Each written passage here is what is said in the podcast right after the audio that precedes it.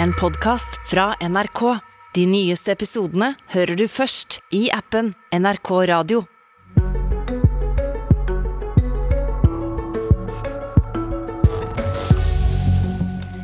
Dropp SV, dropp de andre, kom til oss, sier Erna Solberg til Jonas Gahr Støre. Det handler om milliarder til forsvar og flyktninger.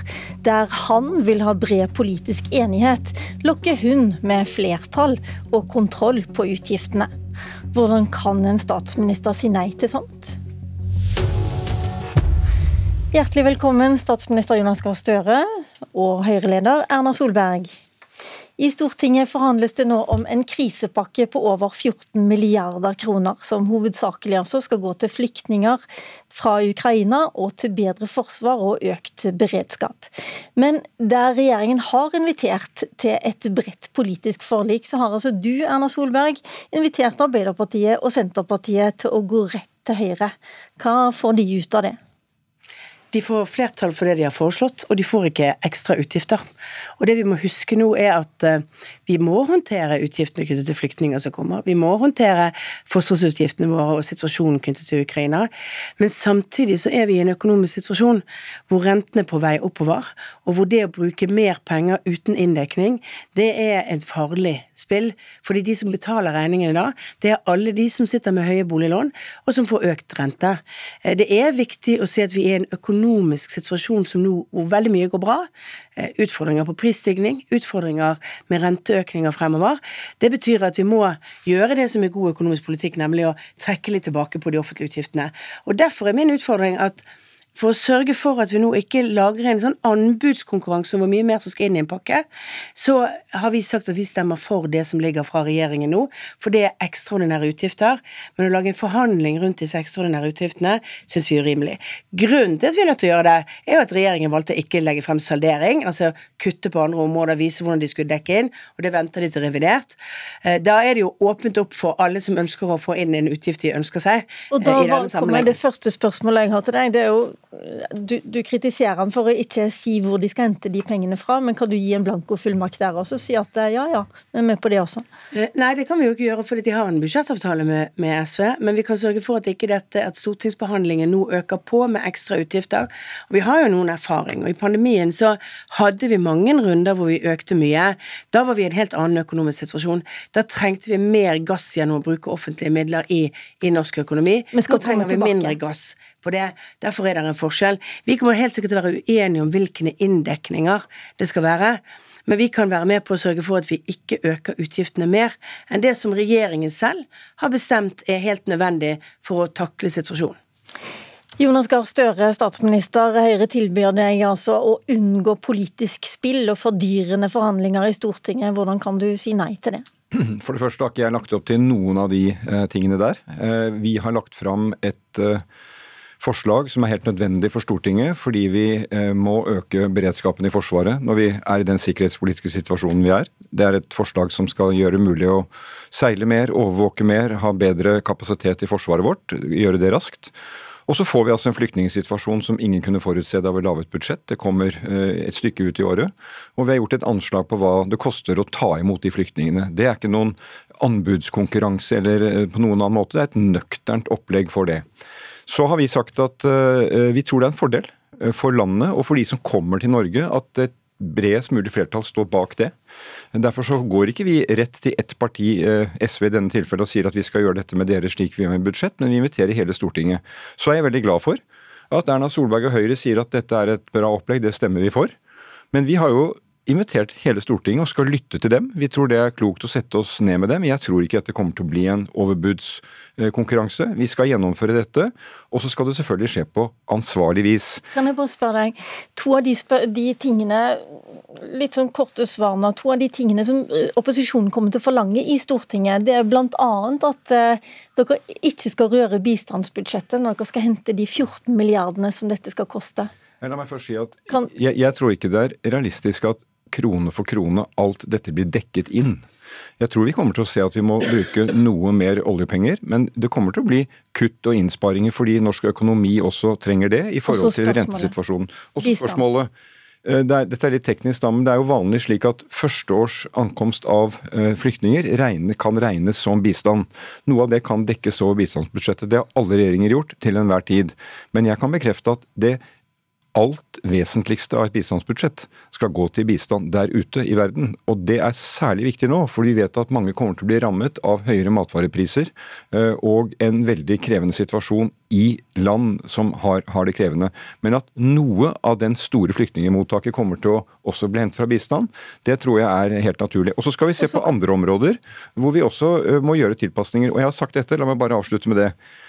Nå er noe blitt viktigere pga. at verden er slik den er. Det er viktigere med forsvar, det er viktigere med å kunne ta imot disse flyktningene. Det har også vært viktig å kunne hjelpe familier med strømstøtte fordi strømmen er dyrere. Da må noe annet bli mindre viktig. Det er noe innenfor bygg og anlegg og store prosjekter som er planlagt, noe av den forrige regjeringen, noe som vi også ønsket å gjøre, som vi da kanskje må skyve på for at norsk økonomi skal være godt balansert, og at ikke vi skal bidra til at de rentene går opp. Rentene har Norges Bank sagt skal noe opp fra null. Det er Norges Banks ansvar, men vi skal ikke skyve på og bidra til det. Hvis vi tar ett eh, poeng om gangen, så er det lettere for oss å få en dialog mellom dere. Men eh, la meg spørre Erna Solberg. Din foretrukne eh, samarbeidspartner som, da du satt i regjering, det var jo Frp. Eh, og de ønsker f.eks. at denne pakken skal inneholde mindre matmoms og lavere drivstoffavgifter for at de skal kunne støtte den. Faktisk rett etter at du var på Stortinget i går og snakket om ansvarlighet, så var Frp Sylvi Listhaug ute og snakket om alle som blir flådd nå, og som trenger mer penger. Og vi er uenige med Fremskrittspartiet i det. For det som skjer hvis vi bruker for mye penger nå, det er at renten går mer opp enn det som er normaliseringen etter en lavrenteperiode hvor pga. lavere aktivitet i økonomien. Og da er det lettere da, å samarbeide med Arbeiderpartiet ja, enn med Frp? Eh, men eh, vi har sittet i regjering med Frp, og vi fikk akkurat det samme flyktningkrisen inn. Vi leverte et forslag til Stortinget som 80% var saldert. Hvor vi gikk på ønskepunkter som vi hadde. Vi reduserte noe på skattelettelser i den pakken. Vi reduserte noe på, på, på samferdselsprosjekter. Vi flyttet på ting. Og vi leverte ikke et fullt budsjettert, ikke et fullt balansert, men ca. 80% av utgiftene ble dekket inn gjennom omprioriteringer i vårt eget budsjettforslag. Det, det men nå sa Støre en del om han skulle, hvor han skulle hente pengene fra. Er du bekymra? Det gjorde jeg altså med Frp med Frp som finansminister, så det er ikke umulig å få dette til. Det har vi bevist at vi klarer å gjøre. Men, men akkurat nå så er jeg opptatt av at det er, det er, ikke sånn at dette er uten at noen må betale for det. Hvis du har tre million, millioner kroner i husbanklån, eller, eller banklån på boligen din, og det er det ganske mange, i alle fall de store byene, som har, så eh, koster det deg altså 30 000 kroner mer hvis renten går opp til 1 prosentpoeng. Og det er sånn at eh, hvis vi har høy inflasjon, skapt også av høy eh, etterspørsel fra det offentlige, konkurranse om arbeidskraften som allerede er der i Norge, ja, så er det Norges Bank sin plikt å sette opp renten og forsøke å få ned inflasjonen hvis den er skapt av den innenlandske etterspørselen. Og det er altså sånn at det vi nå okay. snakker om, er at økninger for, på noen områder kan kan resultere i at de som sitter igjen og betaler, det er de som har på høye boliglån, de som har uh, skjør familieøkonomi allerede. Nå sitter Støre og sukker her, og det tror jeg er fordi han egentlig er helt enig i det du sier. Ja, altså, eh, eh, eh, dette handler jo da om fordeling og rettferdighet, og vi kan godt ta den debatten. Jeg mener jo at denne regjeringen vi nå eh, sitter med, gjør mye for å hjelpe folk med vanlig økonomi som var nødvendig etter åtte år med Erna Solberg. Skattekuttene har en annen profil. Vi styrker barnehagene, vi styrker uh, mange velferdsstatens ordninger som er viktige for de som sitter uh, hardest til. Hele strømstøtteordningen er jo ment å avhjelpe husholdningene som har høye strømutgifter. Men hvis vi går tilbake til det som er temaet her nå, uh, nemlig hvordan skal vi håndtere økte utgifter til Forsvaret, økte utgifter til flyktninger midt i året. Og Jeg kommer tilbake igjen til det jeg syns det er veldig bra at Høyre svarer raskt dette er et godt forslag, det vil vi støtte. Da har vi fått et veldig viktig signal fra Stortinget. Jeg tror vi kan samle bredere støtte enn det, og jeg tror det er et poeng at vi går til Stortinget. Og det tror jeg Erna Solberg faktisk sa også da hun var statsminister i 2015. Da hadde vi en flyktningsituasjon. Hun inviterte en gang da i Stortinget til bredt forlik i Stortinget. Det er det jeg også gjør. Eh, eh, og jeg har tro på at vi kan få til det. Og det vil være litt rart at den første som rekker hånda i været, dette er tilfellet Høyre, det er fint, så sier vi til de andre Glem det. Vi vil ikke prate med dere, vi vil ikke høre på dere. For nå har vi fått det, det flertallet. Jeg tror vi kommer til å få okay, en, go en god støtte til det vi har lagt fram, og det har vi tenkt å gjøre på en respektfull måte. Men jeg tenker at man skal ta inn over seg hvordan reaksjonen i Stortinget var når man sa man skulle ha et bredt forlik, og så kom man uten inndekninger, sånn at det aldri er en nedside i utgangspunktet for politikere med å foreslå nye ting. Da kom alle andre sine forslag opp på bordet. Når man ikke velger selv å balansere inn de forslagene, sånn at det har en kostnad Hadde med de endringene. Eh, Vi, er- I pandemien gjorde vi det ikke. Og det var fordi at da falt norsk økonomi. Da skulle vi stimulere norsk økonomi. Da var det faktisk sånn at vi trykket på den store kriseknappen når det gjaldt økonomisk utvikling, for vi visste ikke hvordan det var. Men når vi hadde flyktningsituasjonen, så gjorde vi akkurat det. Da sørget vi for å dekke det inn. Men Og- og det- Støre har rett i at du under, under flyktningsituasjonen så ønsker du et bredt forlik. Hos innstramninger for å sørge for å, for å stramme til. Det var ikke på budsjettpakkene. Det var ikke for å diskutere mer penger til ulike andre ting. Det var på lovendringene rundt det. Ok, La, alt det vi fortsatt med. Men vi- men- men på, altså bare- på, på det du sa her. Eh, Nå kommer et revidert budsjett rett rundt hjørnet. Der kommer vi til å eh, gjøre eh, justeringer og vise til også eh, en god del inndekning som nå er nødvendig. Og Vi har også sendt signaler at om en del av de prosjektene som ligger der, altså, som koster mye penger, må vi nå se på på nye måter. Når noe blir veldig viktig, så må noe annet bli mindre viktig. Men jeg har lyst på, eh, Du nevnte Norges Bank, Erna Solberg, og det, eh, de har ansvar for rentene. De sa Da de justerte rentene sist, så sa de at det ser ut til at oljepengebruken blir høyere i en, en vente til 2022. Og Det er tre årsaker til det, sier de. Det er økt beredskap i Forsvaret, mottak av flyktninger og strømstøtte. Og så skriver de regjeringens samlede budsjettopplegg innebærer fortsatt en strammere finanspolitikk enn i fjor. Og det, er, det- det peker jo på at vi har fått noen utfordringer i 2022 som ingen kunne forutse og planlegge. De møter vi. Det vi legger frem nå, er ikke for å trykke på noen stor knapp i økonomien.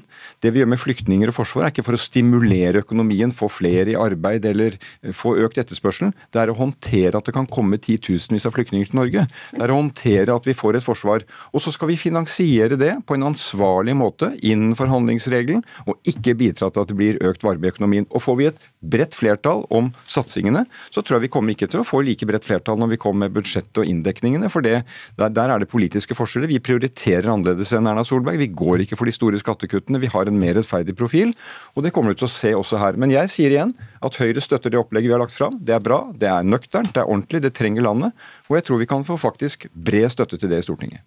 Ja, jeg, jeg er glad for at man i dag er litt mer positiv enn man var i Stortinget i går. Eh, og så er det viktig, Hva er det man egentlig inviterer Stortinget til å være med på, annet enn å vedta å gjøre det vi gjør? Eh, skal man forhandle om takene? Alt dette. Det var en rar invitasjon på et ikke balansert opplegg som kom fra regjeringen. Men vi er jo enige i Og likevel sier du ja Jo, men- takk, jo, og vi er sier jo- ja til det. Ja. Ja, for, og vi sier det for å bremse på at den spiralen vi har sett over tid i Stortinget, hvor man overbyr og overbyr, at den må faktisk stoppe. Fordi at det er familier med store boliglån som kommer til å betale regninger fremover, hvis ikke vi klarer å begrense oss som politikere. Og det er den økonomiske situasjonen vi er inne i nå. Og det er jo sånn at en offentlig sektor som etterspør mer og mer, og hvor vi, eh, den kommer til, og hvor budsjettene blir veldig store, den kommer også til å fortrenge eh, tilgang på arbeidskraft til mange av de bedriftene som skal opp og vokse og finansiere fremover. Jeg bare, jeg, jeg motsetter meg, for det Erna Solberg sier at hvis ikke vi sier ja til Høyre og lukker døren til de andre, så stiger rentene for vanlige familier. Det der holder ikke. Det vi snakker om nå, er hvordan vi skal kunne få flertall for å ta imot flyktninger, styrke Forsvaret, og så skal vi forhandle godt om en fortsatt ansvarlig økonomisk politikk som ikke bidrar til å øke rentene. La og det kommer ikke til å bli med Erna Solberg, det kommer til å bli eh, med, når vi skal revidere budsjettet. Ok, La meg ta utgangspunkt i at dere faktisk er enige. Dere snakker veldig mye om ansvarlig økonomisk styring. Men hva skal man da slutte med? Hvilke velferdsreformer er det vi ikke får råd til fordi vi står i denne krisen? Kan, la meg bare ta et par eksempler. Det ble masse strid om det oppe i Trøndelag. Eh, Vi skal ha en god samling av NTNU, det store, flotte universitetet der, men ikke det dyreste. Vi må gå litt ned på det, har eh, høyere utdanningsministeren sagt. Vi ser på en del av eh, de store byggene, de store samferdselsprosjektene som har ligget der. Mange av dem er ganske ute av kontroll kostnadsmessig. Da må vi gå inn og se. Kanskje noe av det må skyves på, bremses. Og det er et signal om at vi da kommer til å bruke mindre penger på det. Og Og akkurat de sakene har dine folk vært ute og sagt at det må beholdes. og Dessuten vil du ha to milliarder også til nærings, næringslivet for strømstøtte. Ja, og så har vi finansiert det tidligere også i litt andre omprioriteringer på strømstøtten. Men det er viktig å huske, vi mener at de kronene som nå tas inn både av kommuner, fylker og staten ekstra pga. høye priser, skal tilbake inn til folk og næringsliv.